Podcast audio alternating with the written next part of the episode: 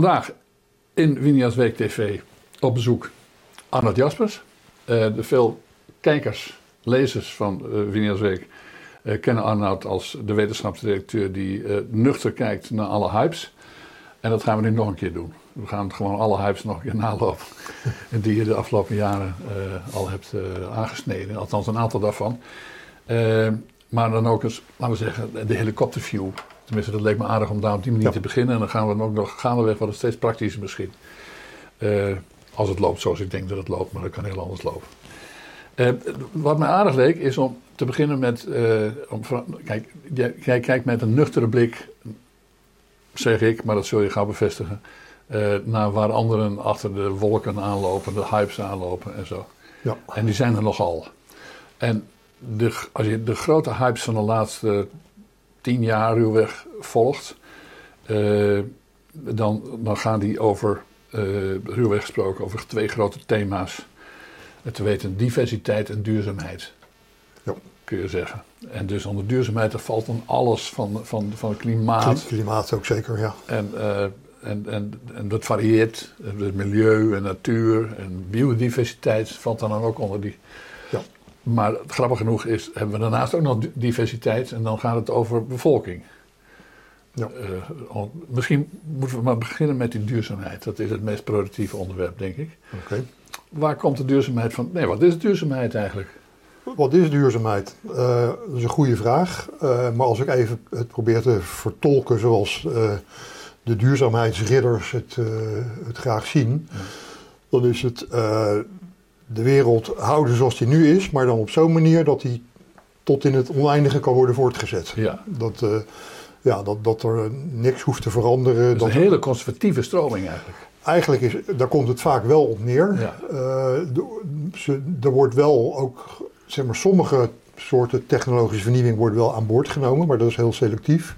Maar de, de bottom line is toch van het moet blijven zoals het nu is, of zelfs we moeten nog, nog terug naar hoe het, uh, hoe het was. 50 jaar geleden was. En dat moet eigenlijk tot in het oneindige zo blijven. Of zelfs terug naar van voor de industriële revolutie eigenlijk. Ja, het is inderdaad er zit wel diversiteit in de duurzaamheid, zeg maar. Ja, ja. Uh, de, als je kijkt naar wat, wat de duurzaamheidsfans uh, uh, willen, daar zit natuurlijk verschil in. Maar uh, daar heb je inderdaad de, de, de, de, meer fanatieken, die willen zelfs terug naar de steentijd bijna. Niet, niet met alles hoor. terug naar de natuur. Ja, zo'n zo'n karikatuur is het nou ook weer niet. Maar ze willen wel bijvoorbeeld uh, eigenlijk nou ja, terug naar het paleo-dieet is bijvoorbeeld zo'n voorbeeld van een volstrekt irreële stroming. Dat, dat, we, dat we eigenlijk de hele landbouwrevolutie uh, ongedaan gaan maken. Nou, ja. dat, dat is wel de dat is, dat is een extremistische minderheid, maar ook dat zit nog in dat, in dat duurzaamheidsstreven. Ja, je hebt natuurlijk ook mensen, die stippen even aan, die wel voor technologische vooruitgang zijn als dat het duurzaamheidsstreven steunt. Zoals de uh, hippe, moderne, technologische uh, zonnepanelen en uh, windmolens. Ja, en, en daar komt het eh, daar houdt het ook wel een beetje bij op. Hè? Windmolens, zonnepanelen en waterstof. Dat, dat zijn de dingen, dat is dan nieuwe technologie. En dat is, uh, dat is mooi, want dat helpt om die, dat duurzaamheidsideaal te, te vestigen, uh, te, te, realiseren, denken ze. Maar daarbuiten de, houdt het al heel gauw op. Hè? Bijvoorbeeld genetisch gemodifieerde mechanismen, organismen. Ja. helemaal taboe. Kernenergie, taboe. Ja. Um, nou ja, en nog wel meer van die innovaties. Dus je, dus je, hebt, foute innovaties en je hebt uh, goede innovaties. Eigenlijk heb je maar een paar goede innovaties volgens deze duurzaamheidsideologie. Ja, en eigenlijk zijn het al niet eens echt innovaties meer. Want, want met zonnecellen produceren, nou, daar is wel heel veel ervaring mee. En die, die, dat is ook grotendeels al uitontwikkelde technologie. Ik bedoel, dat is mooi dat het er is. Ja. Maar daar hoef je echt geen wonderen meer van te verwachten qua, uh, laten we zeggen, de hoeveelheid stroom die je per vierkante meter ermee kan opwekken enzovoort. En, en qua kostprijs. Kortom, je hebt, als, je dat beter, als je daar meer van wilt, heb je gewoon meer vierkante meters nodig, want ja. dan houdt het over mee op. En met de windmolens precies hetzelfde. Dat is, dat is uitontwikkelde technologie. Dus ja. het zijn knappe dingen, die hele grote windmolens. Maar heel veel beter dan dat wordt het niet meer. En door ze hoger te maken heb je gewoon ook meer ruimte nodig. Ja. Per stuk. Precies. Uh, dus eigenlijk is het gewoon een vierkante meter maat waar je dan in denkt. Ja, kijk, door, door windmolens steeds hoger te maken, win je wel iets aan, aan hoeveel wind je vangt per vierkante meter. Want hoe hoger je komt, hoe harder het waait. Maar dat, dat is een marginale verbetering. U- Het uiteindelijk, belangrijkste effect is dat je gewoon meer ruimte per, per molen hebt. ja, uiteindelijk is, is eh, wat je aan, met windenergie kunt, eh, kunt vangen, zeg maar, Ja. dat, dat is eigenlijk een, eh, per vierkante meter aardoppervlak. Dat, da- daar zit een bepaalde grens aan. Precies, En dat veel beter wordt dan het nu is, wordt dat niet. Nee. In beide gevallen betekent dat je voor de door de duurzaamheidsridders, zoals je dat noemt, erkende technologie, dat je daar eh, verdomd veel ruimte voor nodig hebt. Ja, ehm, en eh, dat is zeker waar. Zonne, zonnecellen, windmolens, dat is, dat is oppervlaktetechnologie. Dat, Ja. dat gaat per vierkante kilometer, of, of zelfs eigenlijk per, per honderden vierkante kilometers. Ja. Ehm, en ja, dat, dat is een waarheid als een koe. Eh, de vraag is dan, hoe ga je daarmee om? En dan zeker in een dichtbevolkt land, een klein dichtbevolkt land als Nederland. ja. Nou, daar wilde ik eigenlijk heen. Ja, Want dan hebben wij, dom, eh, hebben wij echt pech natuurlijk. Dat als in Nederland, eh, eh, if- als ik het even naar de huidige situatie kijk, dan is de zogenaamde duurzame, duurzame elektriciteitsopwekking, wat de belangrijkste hoort het, energieopwekking in, in deze sector is, eh, geloof ik. in die discussie, in die duurzaamheidsdiscussie. Precies. Eh, dan moet dat komen van windmolens, eh, zonne-energie en van, van het verstoken van hout. Ja. Althans, de praktijk van nu is zelfs dat het merendeel uit het stoken van hout komt. Ja, er wordt, er nu meer duurzame energie opgewekt door hout te stoken dan door zon, zonne- en windenergie Ja. op te wekken. Ja. Aanzienlijk meer zelfs. Ja. Ja. En dus het over, maar goed, dat is inmiddels omstreden. Eh, Daar kijken we niet van op dat het omstreden is. Eh, en dus is het, de, de heilig verklaarde, de, de schoonverklaarde duurzaamheids, eh, duurzame energieopwekking, stroomopwekking. dat is dan voornamelijk dus ruimtevretende Ja. techniek, kun je zeggen. Ja. En je geeft al aan, en voorkomen begrijpelijk natuurlijk, dat het daarvoor handig is dat je in een, in een land verkeert met veel ruimte. Ja, precies. En dat zijn we dus als Nederland nu juist niet. Nee. Dan hebben we nog wel een beetje mazzel dat we aan de Noordzee liggen. Want we- on- ons stuk van de Noordzee is, eh, ik geloof, twee of drie keer zo groot als Nederland zelf. Ja. Dus daar kunnen we nog wel hele grote windparken bouwen. Nou, Ja. het, het is al half vol, geloof ik, met alles wat er gebouwd is of En gepland staat. is, precies. Ja. Ja. Ehm, maar goed, daar, die mazzel hebben we nog. Want op, land zelf zouden we het echt op geen stukken naar redden.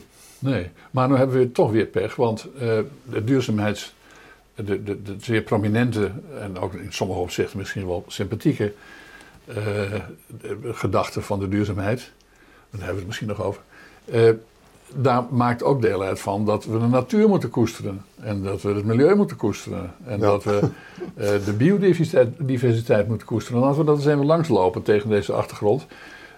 Dus om te beginnen de natuur. De Noordzee, die we dus vol zetten met die windmolens, is dat plotseling geen natuur meer. Ehm, nou ja, dat, dat, Ik, ik vrees dat het onze enige natuur is, eerlijk gezegd. Het, zit- het zit natuurlijk. Dat, kijk, die, die, eh, ja, ik, heb het, ik heb het dan vaak over de groene droom, de GroenLinkse droomwereld. Ja. Eh, en dat is niet beperkt tot de partij GroenLinks, maar dat is een hele brede coalitie van, van progressieve partijen. Nou, die GroenLinkse Waar trouwens droomwereld. ook ondernemers bij zitten die daar weer van, Ja, ja, van leven. Hè? zelfs grote bedrijven die, die zitten daar deels in. En zelfs, zelfs sommige VVD'ers zitten daar eh, deels in. En sommigen leven daarvan, weten wij. Ja, die, die, in die GroenLinkse droomwereld zit vol tegenstrijdigheden. Ja. Dus, eh, en en er, er wordt, dan wringt men zich in bochten om dat allemaal zogenaamd in orde te krijgen dat het wel klopt. Ja. Maar het klopt natuurlijk niet. Nee. Eh, hele grote windmolenparken die zijn eh, ja, gevaarlijk voor vogels. Al- Als er vogeltrek plaatsvindt, dan richt dat een redelijke slachting aan op de vogels. Ja, Ehm, Oké, als je al die... dat is ook als je, tenminste een serieuze bedreiging van de vogeldiversiteit, zou ik zeggen. Ja, nou ja, kijk, ik denk zelf dat die, die vogels die zullen niet uitsterven doordat, eh, doordat wij heel veel windmolenparken plaatsen. Nee. Maar het is, het, het is gewoon een, een aanslag op hun, hun leefgebied. Ja, Eh, en, maar dat, in die groen, GroenLinkse droomwereld mogen zulke tegenstellingen niet bestaan. Nee. Dus het mag niet waar zijn dat eh, windmolenparken slecht zijn voor Nee. vogels. Wordt, ja, Want in die wereld is het altijd Teletubby-feest. is het, in, in die wereld is het zo, als je maar het goede doet, gaat iedereen erop vooruit, is iedereen tevreden en niemand Ja, ongelukkig. Het is per definitie win-win. Ja, en, en dat, dat kan dus niet in de werkelijke Nee. wereld. En dan dan kun, je, er- dan kun je nog een goed gesprek hebben over, ja, wiens belangen gaan dan voor? Dat moeten we altijd hebben, dat gesprek. Ja. Maar dat moet je dan wel aangaan, dat gesprek. En dat, in de GroenLinkse droomwereld wordt dat ontkend. Dat, dat, Ja. dat er belangenafwegingen zijn en dat we niet allemaal onze zin kunnen krijgen. Nee, want het gaat nooit over belangen, het gaat over bedoelingen. En als Ja. de bedoelingen maar goed zijn, dan is alles goed, toch? Is ja, dat, dat, dat is natuurlijk het, het GroenLinkse dogma. Van als je maar het goede doet, ja. dan, eh, komt, dan leeft iedereen uiteindelijk in het paradijs. Heeft niemand meer wat te klagen. Ja. en dat, dat kan dus gewoon niet. Nee, en dat zien we dus meteen al waar de, de, de, de, de wereld waarin eh, windmolens en zonnepanelen zorgen voor de energie, eh, de natuur meteen leidt.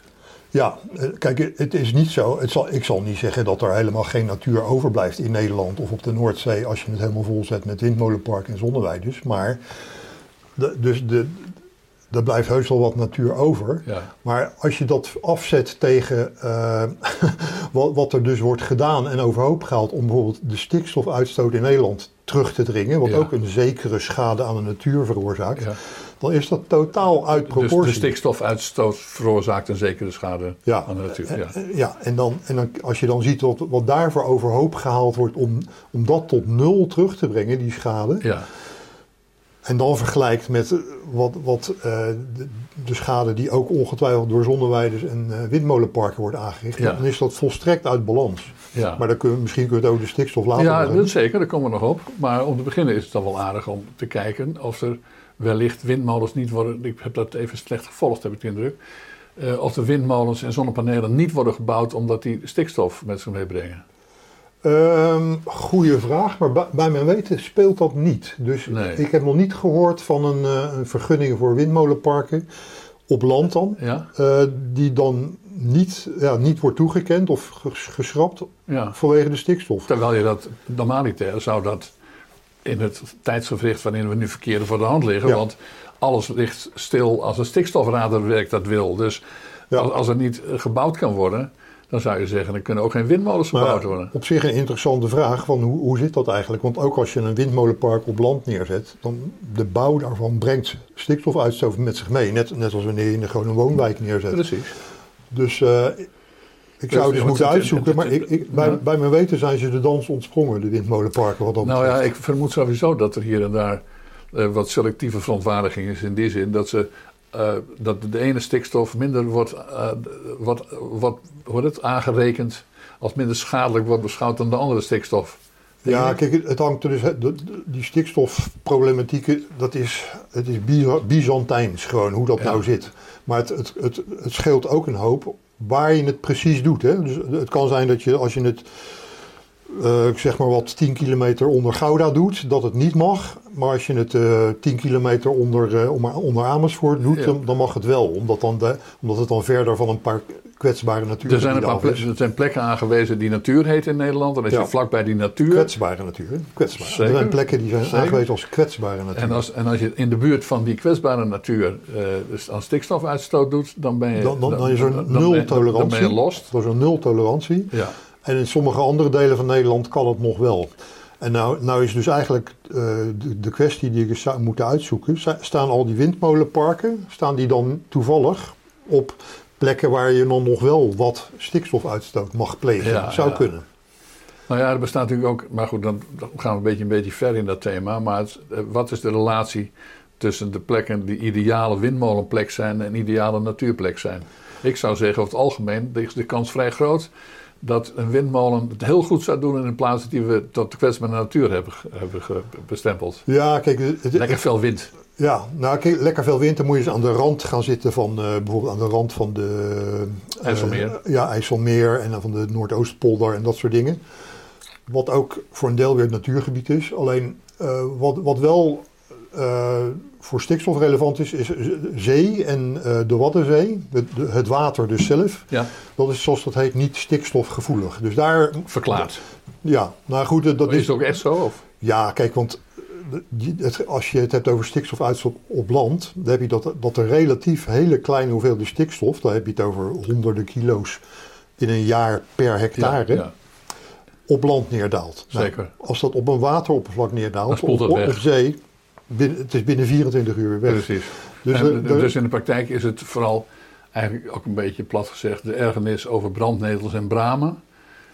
En die bramen heb je niet op de Waddenzee. Maar. Precies, de, de- de Waddenzee en zeker de Noordzee, die, daar, daar kan je stikstof uitstoten wat je wil. Want, Ja. want het maakt helemaal geen verschil voor de, voor de natuur. Nee. Dus op zich is dat wel rationeel dat dat niet stikstofgevoelig verklaard is. Dus kan je daar, eh, nou ja, zullen windmolenparken daar geen last hebben van, die, van, van stikstofbeperking. Nee. Maar op land ja, ligt het toch anders. Ja. Eh, laat maar even, toch maar even doorgaan over die, die, de, de zo interessante stikstofwereld. Eh, want eigenlijk raakt dat de, de, de, hele stikstofbusiness raakt de biodiversiteit, is het niet? Nou ja, dat, dat is de claim. Het gaat over de maakbare natuur, in ieder geval, hè, kun je ook zeggen. Ja, kijk, de ehm, stikstofuitstoot eh, is in principe. ehm, eh, eerst eventjes ter, ja, ter, ter uitleg. Ja, ja. eh, stikstof, het gaat dus niet over eh, stikstofgas, want 80% van wat wij inademen Zit is gewoon in stikstof- lucht, stikstofgas. Het gaat dus over stikstofverbindingen, chemische verbindingen, dus eh, ammoniak. Het gaat nooit over stikstof, nee. zuivere stikstof. en NH3 eh, enzovoort. Dus, ja. En dat wordt geproduceerd oké, door de landbouw, door, vooral door, door veeteelt. Nou, het, het zit ook gewoon in de kunstmest en het, Ja. en het zit in de, in, in- trouwens ook in de mest die de koeien zelf Precies. produceren. Maar- het zit ook in het, in het wat de koeien eten. Ja, en, Toch? en, en dus wat, eh, wat belangrijk is om te weten is dat al die stikstofverbindingen, die, die stikstof uitstoot, dat zijn meststoffen. Ja. Dus in principe voeden ze juist de natuur. Ja. Eh, maar de hele, ja, de hele eh, paradoxale kwestie in Nederland is nu dat wij natuur willen. Wij, dat, ik zeg maar, de, Maar een, een dominante stroming in dit land. dat wij natuur willen die niet tegen voedsel kan. Die, die alleen gedijt bij hele arme, voedselarme eh, Ja. eh, milieus. Dus eh, hele Dus arme achter dat idee van wat we onder meer biodiversiteit heet, er zit een heel specifiek idee over wat natuur is. Ja, En, en, naar het idee van die mensen, die, dus in die wereld van deze ecologen is het over het algemeen. Ja. En ik stel me zo voor dat ook in die ecologenwereld dan wel eens een, een, een, een richtingenstrijd is. Maar, maar er is een dominante Ja. richting en die luidt dat wij, een, eh, dat wij arme natuur moeten bevorderen. ja. Toch? En, dat, en dat komt omdat... En, en arme natuur zit weinig stikstof in, laten we zo maar zeggen. ja, arme natuur, dat is, dat is dus land, stukjes land... waar heel weinig eh, voedingsstoffen in de grond zitten... en waar Ja. dus ook weinig voedingsstoffen op neerdalen. Ja. Want daar hebben wij voor gezorgd als Nederland. Ja. En dan gaat daar, gaan daar andere plantjes groeien dan in het wel doorvoede stuk Zeker. natuur van Nederland. En omdat dat iets andere natuur is dan in de rest van Nederland, als je dat bij elkaar optelt, ja, dan heb je iets meer soorten. Ja. Maar je hebt in totaal minder natuur. Want op die arme grond groeit echt weinig natuur. Ja. En ook weinig Maar soorten. dus de diversiteit is belangrijker dan het bio eigenlijk. ja, ja. Het, het, het is meer zo van. ehm, Het is een diversiteitsstreven. Er moeten heel veel verschillende dingen zijn. ja, Op dat klein, althans qua natuur.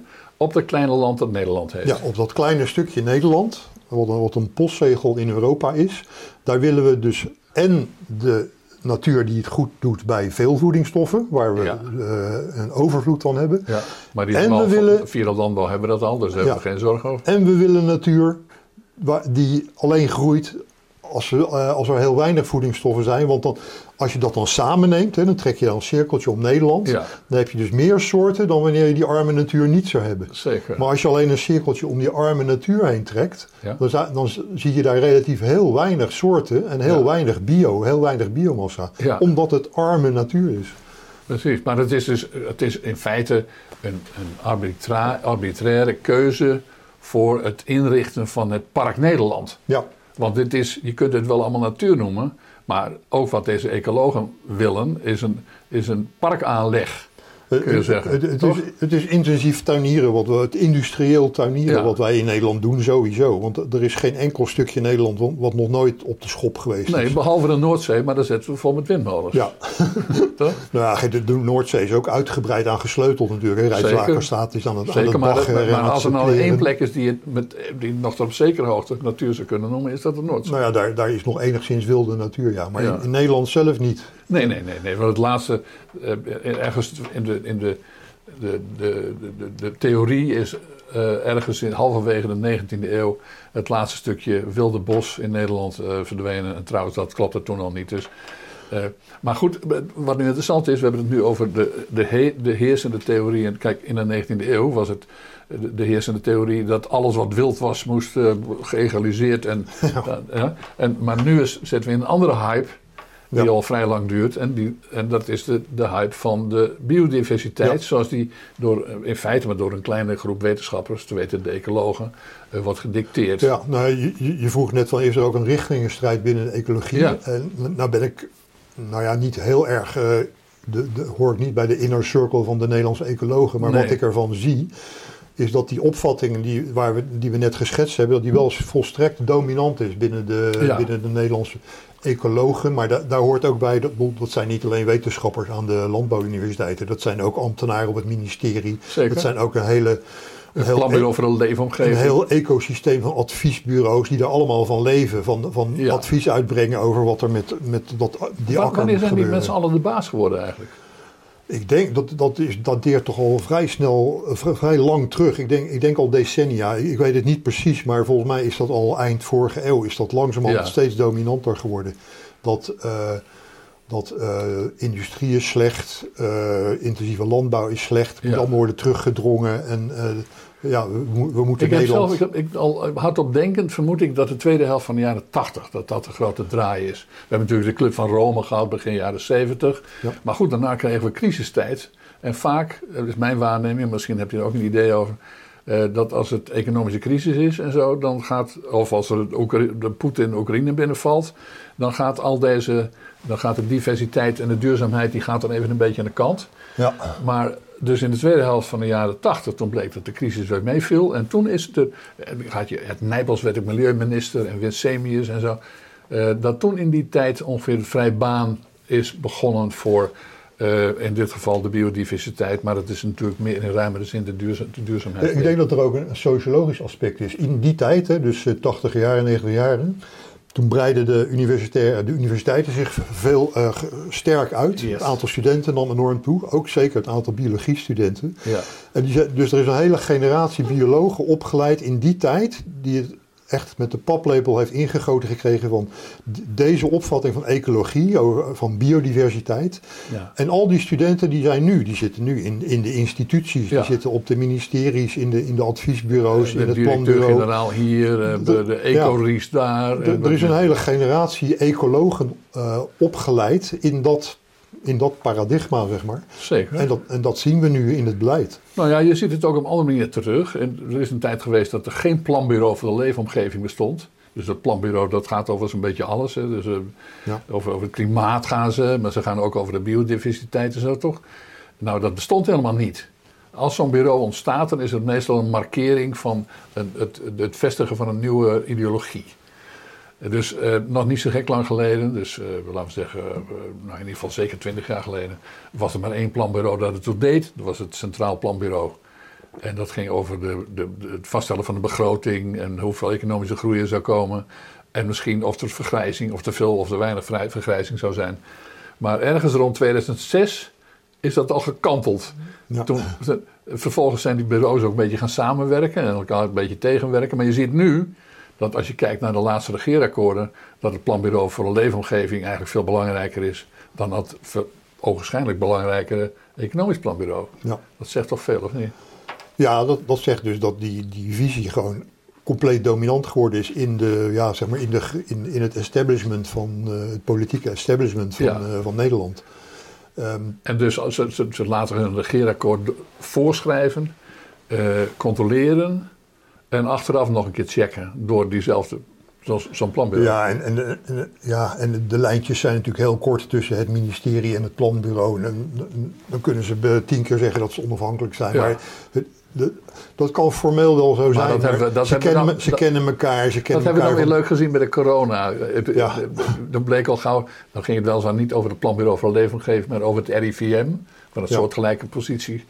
Toen bleek dat, ze- dat als het ministerie iets wil, dat ze dan gewoon de, de, de, de, de, uiteindelijk toch gewoon de opdracht geven aan zo'n bureau, aan zo'n planbureau, eh, over wat Ja. ze willen. Kijk, die mensen, ze kennen elkaar allemaal nog, nog van de universiteit, zeg maar, van 30 jaar geleden. En dat, Ja. dat, dat is natuurlijk ook onvermijdelijk en ook niet per se slecht. Maar ja, dat is wel een, een, zo werkt het wel. Maar zo, die, die zijn met z'n allen natuurlijk veel belangrijker dan de, alle kiezers van Nederland samen. Zij, zij, zetten gewoon de toon voor waar, wat, wat in Nederland Ja, belangrijk kijk, is. en, en wat betreft biodiversiteit en, en stikstof, dat, voor, zover ik weet, is nooit eerlijk aan kiezers voorgelegd van, kijk, dit zijn wij van plan en wil je dit nou? Want, want er wordt ze nooit eh, duidelijk voorgeze- eh, twee alternatieven voorgesteld, namelijk Nee. hoe een natuur zou Nou, zijn. wel, de alternatieven zijn, eh, de, de, moeten, hè, de, de alternatief bestaat eruit dat aan de kiezers of, of aan de gemeenteraadsleden wordt voorgelegd. Eh, er moeten in onze gemeente 16 windmolens staan en jullie mogen zeggen waar. Dat is de keuze. Ja. Toch? Ja. Maar dat betekent dat alles al voorgesorteerd is. Ja, Toch? maar en het is ook met die, met die stikstofuitstoot. Er wordt nooit gezegd van, kijk, dit wordt de natuur als we de stikstofuitstoot niet beperken. En dat wordt hem als we hem wel zo, zo radicaal beperken als nu wordt voorgesteld. Kies maar, wat wil je als je, als je nagaat dat dit 25 miljard kost en Ja. dit niks. Ja, ja. Die Maar- keuze wordt de kiezers nooit voorgelegd. Nee. Eh, maar dat geldt eigenlijk voor de beide thema's waar we het hier over hebben: over de diversiteit en over de duurzaamheid. Er is nooit een keuze gemaakt dat, dat dit, dit de leidende thema's zouden zijn voor, voor onze bevolking, voor onze samenleving, voor onze economie, voor onze politiek, voor ons bestuur. Ze zijn er allemaal ingeslepen en vervolgens wordt er wel naar verwezen. Maar waar, waar komt het woord duurzaamheid eigenlijk vandaan? Dat nog, maar- nog maar een keer te vragen. Nou, dat je Bestaat dat in de Nederlandse taal al lang? duurzaam, duurzaam. Ehm, Nou, ik, ik, zal- weet, ik- weet eigenlijk niet. Nou, dat laat ik het antwoord zelf maar geven. Daar achter jou staat er ergens een, nou ja, of ergens in deze kast, eh, staat een woordenboek, eh Klamers woordenboek geloof ik uit 1967 of zo. Als je daar kijkt, wat, er staat het woord duurzaamheid ook al, maar dat betekent dat je een, als je een hamer koopt in een winkel, eh, dat die niet na twee dagen al uiteen valt, maar die 20 jaar meegaat. ja. Dus dat is als, als iets eh, deugdelijk eh, geconstrueerd is. Dat is de betekenheid van duurzaam, duurzaamheid in de Nederlandse taal tot voor kort. Maar wat hebben we gedaan? We hebben een woord uit de Amerikaanse taal, te weten sustainability. Ja. Daar we, moesten we een ander woord voor vinden. Dat hebben we toen gedaan. Daar hebben we het woord duurzaamheid voor bedacht. Maar het een compleet nieuwe betekenis. Dus het woord duurzaamheid en duurzamisering, of wat is het ook alweer? We hebben allemaal van die begrippen die allemaal aan de duurzaamheid is opgehangen. Eh, even denken hoor. De de verduurzaming, ver, daarvan? verduurzaming, ja. Ja. En eh eh, wordt het ook weer eh, vernieuwbaar of renewables. In het, Eng- in het Engels is dat Zeker, renewables. zeker dus- maar ik ben even toegespitst op het woord duurzaam. ja. Zeker, het is allemaal natuurlijk allemaal eh, vertaald spul, maar het is toch wel aardig om te kijken dat, hoe deze, deze begrippen zoals, hoe? De diversiteit is natuurlijk diversity, komt ook uit het Amerikaans. ja. Dus we hebben allemaal begrippen geïntroduceerd waar een hele wereld achter zit, waar een hele denktrand achter zit. Eh, maar daarmee ook een nieuwe taal geïntroduceerd. Dus doen we alsof dit allemaal Nederlands is. Veel daarvan komt inderdaad uit Amerika. Ja. En, Ja. Maar, die, eh, maar goed, ze zijn dus de, de, de houders van de eigenaren van deze begrippen, die daar ook voortdurend een nieuwe betekenis aan kunnen geven, zijn daarmee toch een beetje de baas van het land, of nee? Ehm, ja, tot nu toe wel. Maar nou ja, de baas, ze, ze- hun invloed is, is echt groot en heel wijd verbreid.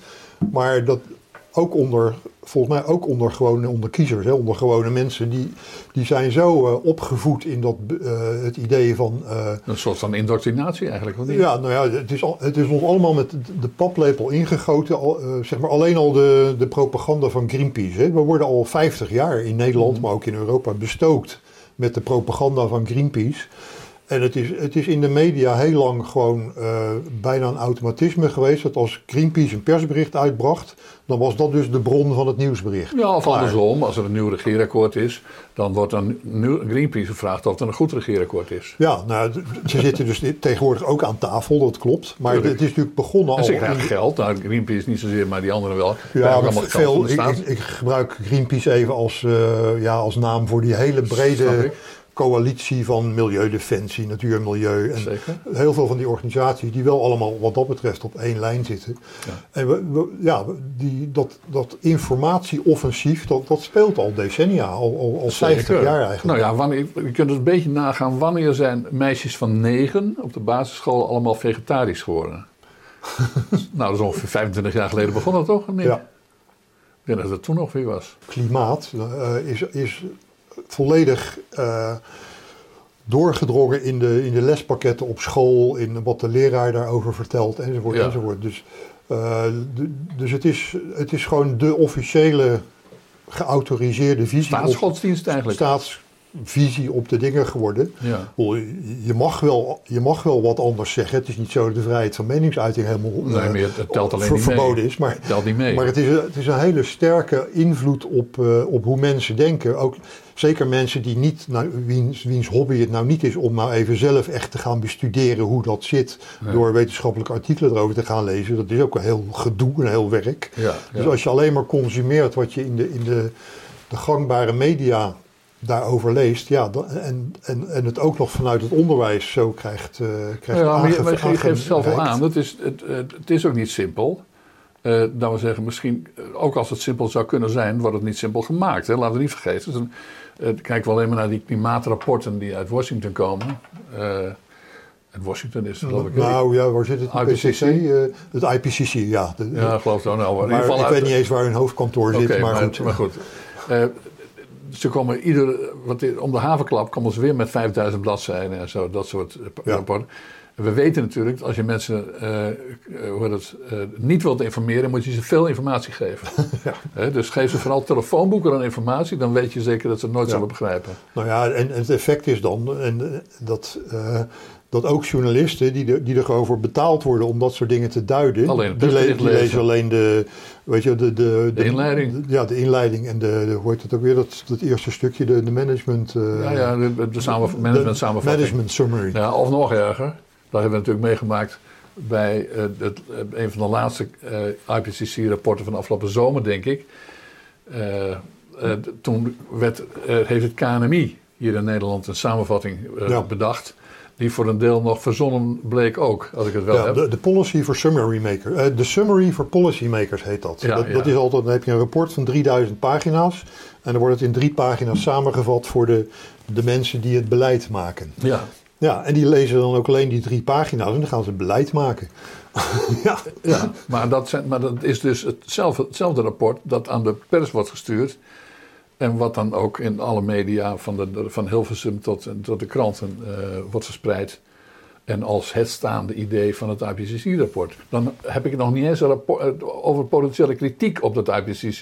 Heb ik het alleen maar over de uitleg ja, van wat het IPCC beweerd zou hebben. het is dus ook voor journalisten niet meer te doen, behalve een enkele gek die daar echt twee weken op gaat zitten. Ja, nou daarvoor hebben we jou toch? Ja, nou ik heb er geen twee weken op gezeten, maar wel een paar dagen. Ja. Uh, om, en dan heb je ook dus het hele rapport nog niet eens doorgenomen. Maar goed, dan kun je wel uh, redelijk, redelijk beoordelen wat erin staat en hoe goed het onderbouwd is. Ja. ja. en dan kom je dus tot heel andere conclusies dan wanneer je alleen de, de, de, de summary for policymakers leest of alleen uh, het persbericht wat dan diverse milieuorganisaties erover ja. uitbrengen.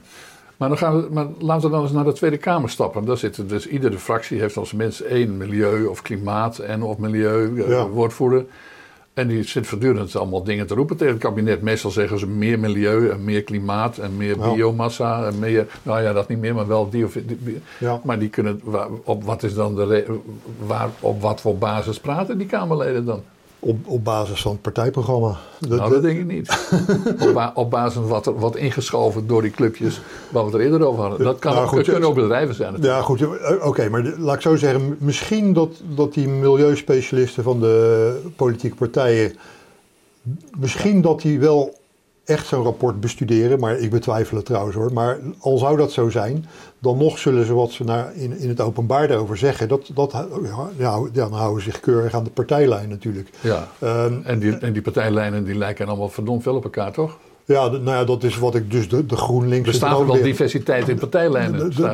De, GroenLink, dat is wat ik de GroenLinkse droomwereld noemde, die, dus, die zich dus in, heel breed in de Tweede Kamer uitstrekt. Ehm, en eh, eh, ja, Nou ja, ik denk ook wel eens dat dat ook komt omdat er bedrijven zijn. Kijk, in het, in het Hollandse eh, krachtenveld van de. eh, hoe dat? De, de, de koopman en de dominee. Maar in het krachtenveld, het Nederlandse krachtenveld, dat al eeuwen bestaat uit, uit de, de strijd tussen. dan wel de samenwerking van de koopman en de dominee. Ja, lopen er ook ontzettend veel koopmannen rond. Dus die zijn doorgaans rechts. Maar dit beleid, daar zijn zoveel mensen die er op hun manier belang bij hebben. De een die zit ervoor te ijveren en de ander verdient er geld aan. Is niet zo? tuurlijk, die koopmannen die zijn echt niet te beroerd om, eh, om aan te haken bij de GroenLinkse droomwereld. Ja. En eh, nou, oké, dan eh, presenteer je een plan van eh 4 miljard om waterstof, de waterstofindustrie op te bouwen. Ja. Weet je. Ni- Niet dat dat nou per se onmogelijk is, maar het is allemaal wel gewoon, het, het, het opportunisme staat voorop van, oh wacht eens, er, er staat een enorme bak subsidie klaar, dus Ja. wij maken wel een plannetje. Nou ja, dat kun- zie je natuurlijk heel mooi in het regeerakkoord van het huidige kabinet. Eh, Tenminste, ik denk dat dat een, een- een nog betere afspiegeling is van deze analyse dan eh, die van vorige kabinetten Rutte. Namelijk dat het belangrijkste wat erin staat is dat ze in totaal 60 miljard uittrekken voor, eh, voor de stikstof. Dat is voor de biodiversiteit, zeg maar. En eh 35 miljard, eh, dus 25 miljard Ja. voor die biodiversiteit. En 35 miljard samen eh, voor, het klimaat. Dus samen, 60, miljard. ja. Eh, en dat eh, dan niet verbazingwekkend is dat de, de werkgevers, de ondernemersorganisaties, VNO en CW voorop, dat die zeggen dat het een heel goed regeerakkoord is. Want die weten precies waar het geld heen gaat. En, namelijk niet naar jou en mij, maar wel naar Nee, hen. het, is, het, is, het is natuurlijk prijsschieten voor, voor ondernemers Ja. die in die branche. Die, die, ja, er staat gewoon een bak met miljarden euro's Ja. klaar. En eh, nou, verzin maar een plan. Dat is geld op zoek naar een bestemming, Ja, toch? ja, want eh, het, het, is zoveel. Kijk, het is natuurlijk op zich al absurd dat je eerst vaststelt hoeveel geld je in die bak gooit. Ja. En daarna nog eens plannen moet gaan verzinnen om dat geld aan uit te geven. Volgens mij moet je het andersom doen. Ja, Eerst maar- een plan maken wat je wil doen. En dan kijken hoeveel het kost. Maar de, Ja, maar dat gaat voorbij aan wat je zelf eerder zei, namelijk eh, dat de goede bedoeling de maatstaf is. ja, ja, En de goede bedoeling eh, druk je uit in miljarden. ja. Die- niet in effecten, maar in Ja. miljarden. Ja, maar dat, zo is, dat is dus inderdaad de omgekeerde wereld. Die, die past binnen de GroenLinkse droomwereld. Van eerst het goede doen. Dus daar, en hoe goed ben je dan? Nou, dat, dat meet je af aan hoeveel miljard je ervoor klaarzet. Nou, en dan maar eens kijken. eh, heeft er iemand nog een plan om, om, om dat geld dan uit te geven? Ja. En ondertussen eh, eh, is een vraag die we nog niet helemaal hebben beantwoord. of dat allemaal wel op één lijn ligt. De miljarden die je in dit geval aan de stikstof spendeert, of aan minder stikstof spendeert eigenlijk. En, een miljard die, je- en, en de miljarden die je aan het klimaat eh, spendeert. Nou, dat zit vaak elkaar in de weg, toch? Ehm, even kijken hoor. Eh, Nou ja, laten we zo zeggen. Als je ontzettend eh, begaan, dat constateerden we al, als je ontzettend begaan bent met de natuur, dan heb je liever niet al te veel windmolens en zonnepanelen Ja. in die natuur staan, toch? ja. Het, en het is ook nog zo, als jij ehm, bijvoorbeeld je druk maakt over dierenwelzijn, Ja. op zich begrijpelijk. Het is wel zo, als jij stikstof, eh, stallen wilt bouwen, die, of laten we zeggen veeteelt wilt doen, die heel weinig of nul stikstofuitstoot genereert, Ja, dan moet dan je, moet je, moet lucht, opslaan. luchtdichte stallen moet je gaan maken. Koeien komen niet meer buiten. Die komen niet meer buiten. staan ook niet open de deuren en Nee. zo. Nee. Precies, die, die, die dieren zien dus nooit meer het daglicht. nee. Ja, dat is, dat is dan een consequentie van minder stikstofuitstoot. Ja. Dus eh, zoals ik al eerder zei, er, zit, er zitten allerlei inconsequenties in die GroenLinkse Ja. droomwereld. Maar dat, dat, dat, wil je dan, dat willen ze dan niet horen. Want Maar dat verdraagt zich slecht met het idee dat goede bedoelingen altijd Ja, de goede kant op gaan. precies, van, we doen het goede, dus iedereen wordt er beter van. Ja, misschien moeten we ook die andere diversiteit er nog even in betrekken. Mhm. Want de biodiversiteit hebben we al even aangestipt. Eh, namelijk dat dat een, eh, een soort vorm van parkaanleg is, zullen we zeggen. Ja. Eh, maar de andere biodiversiteit die betrekt. Sorry, de, die andere diversiteit die gaat niet zozeer over dieren als wel over mensen. Mhm. En die gaat Ja. uit van de gedachte dat de samenstelling van de bevolking zo divers mogelijk moet zijn.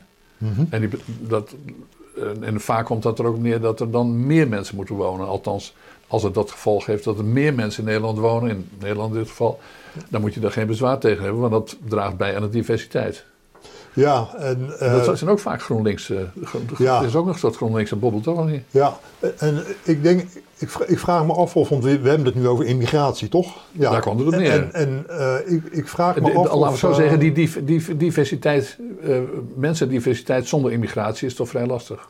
Ja, nou ja, goed, je, je zou nog kunnen argumenteren dat, eh, dat dan... eh, Oké, die, die kant wil ik niet op. Maar dat, dat je bij wijze van spreken de minderheden meer kinderbijslag geeft dan witte Nederlanders. Maar Ja. eh, oké, Ja, maar in de, praktijk, in, in de praktijk komt het erop neer, dat durf, ik- het al wel zeggen, dat, dat mensen die vinden dat, dat, dat, je, dat de bevolking diverser moet zijn, dat die ook eh, openstaan, heel positief staan voor eh, de- hoe heet het, meer immigratie in Nederland. Ja. En vaak ook van verre continenten, want dat, hoe verder weg, hoe diverser. Ja, ik, ik denk dat dat meer te maken heeft met het goede willen doen. En het goede is dus dat eh, wij in het rijke, welvarende Nederland moeten onze welvaart en onze veiligheid enzovoort delen met andere, andere volkeren. Mm, Dat zal zeker een rol spelen, maar, het, maar de ideologie van het divers zijn, het nastreven van diversiteit, net zoals de biodiversiteit een beetje, is een zelfstandig streven, een zelfstandig streven geworden.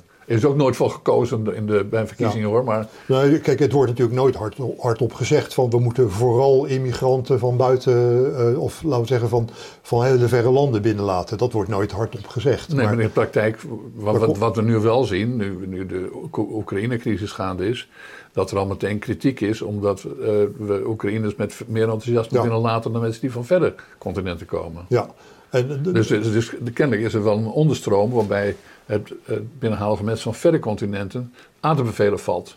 Ja, in ieder, geval, in ieder geval vinden ze dat we dat onderscheid niet mogen maken. En dat, Ja. dat is natuurlijk een, een- dat vind ik een lastige discussie. Want inderdaad, het is zo dat wij eigenlijk met open armen de, de Oekraïners ontvangen nu. Ja. Dat zijn ook een soort wit, witte, duurt, witte, witte broodsweken zijn dat eigenlijk. Hè, van, eh, maar goed, nu is het wel zo dat ze met open armen ontvangen worden.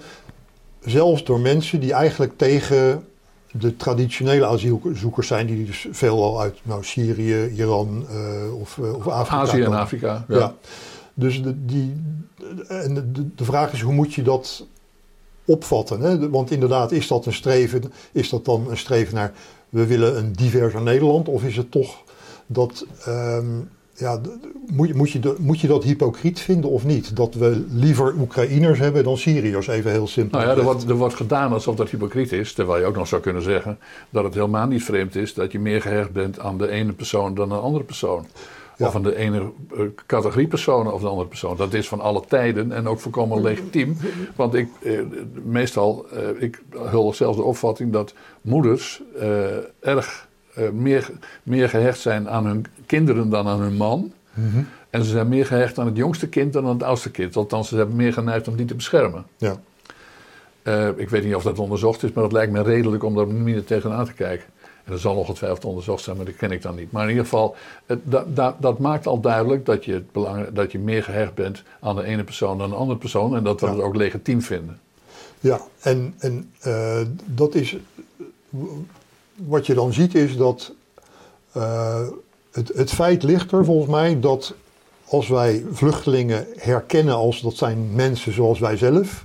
dan is het veel makkelijker om te accepteren. Nou, kom maar hierheen, we helpen je wel. Nou ja, als, buur, als je buren zijn, en dan, Ja. dan, ik bedoel, je, je En- gaat, eh, zelfs in deze stad waar we hier verkeren, eh, ligt meer de hand dat ik eh, ook mijn, mijn buurman eh, ga zitten opnemen in mijn huis dan iemand die in, de, in Eiburg woont. Ja, maar dat is dus iets wat dan weer niet mag van de, van de, van de GroenLinkse idealisten. Nee. Je, je, moet, je moet net zo openstaan voor iemand uit, eh, nou ja, laten we zeggen West-Afrika, Ja. als voor eh, iemand uit de Oekraïne. Oké, maar dat, het gevolg daarvan is dat je bereid moet zijn om heel veel mensen toe te staan. Nou ja, Want naarmate de, je de groep groter maakt, betekent dat je veel mensen gaat toestaan om toe te treden tot dit dichtbevolkte land. Dat al vol staat met windmolens, zonneparken, Ja.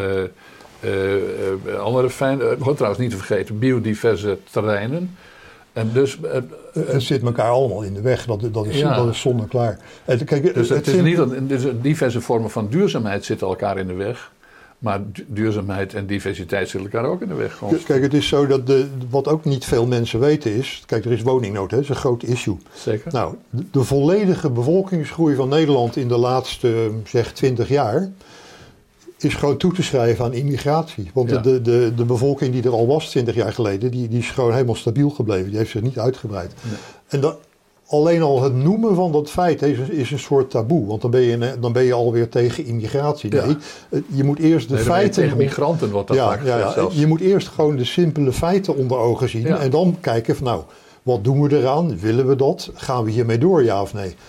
Maar als je het, het, het simpele feit al niet eens onder ogen wil zien... Ja. dan kom je dus helemaal nergens. Maar dit zou je de battle van de bedoelingen kunnen noemen.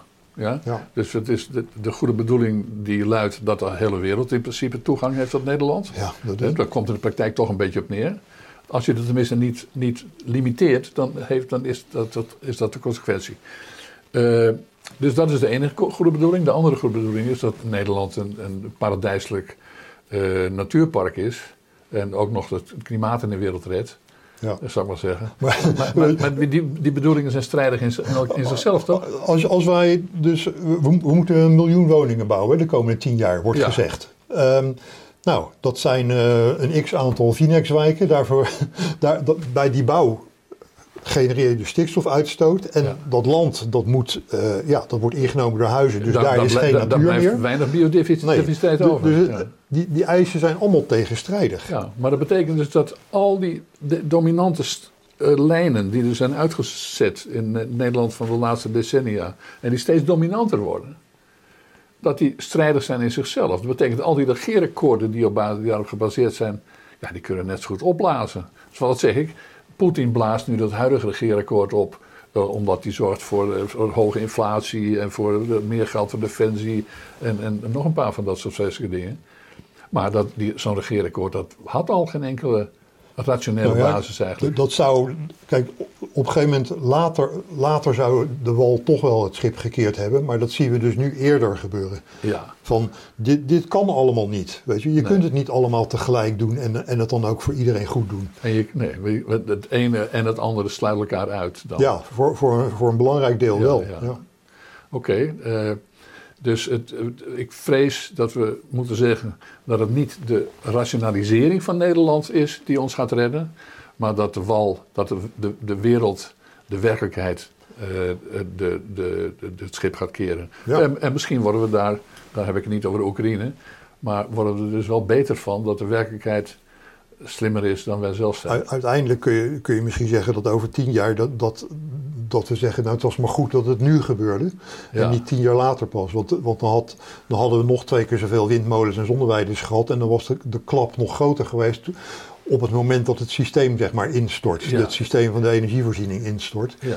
Maar goed, het is wel, het is wel heel hardnekkig. Hè? Want als ik even naar Duitsland kijk, daar, daar hebben ze nu dus, uh, zijn ze heel hard met de neus op de feiten gedrukt van hoe afhankelijk ze zijn van Russisch gas. Ja. En nog zegt die minister van, uh, die Duitse minister van, van, Binnenlandse Zaken, is dat geloof ik? Is dat, uh, nou ja, goed, zeg maar. Die zegt nog van, nee, we gaan de kerncentrales sluiten die er nog staan. Ja.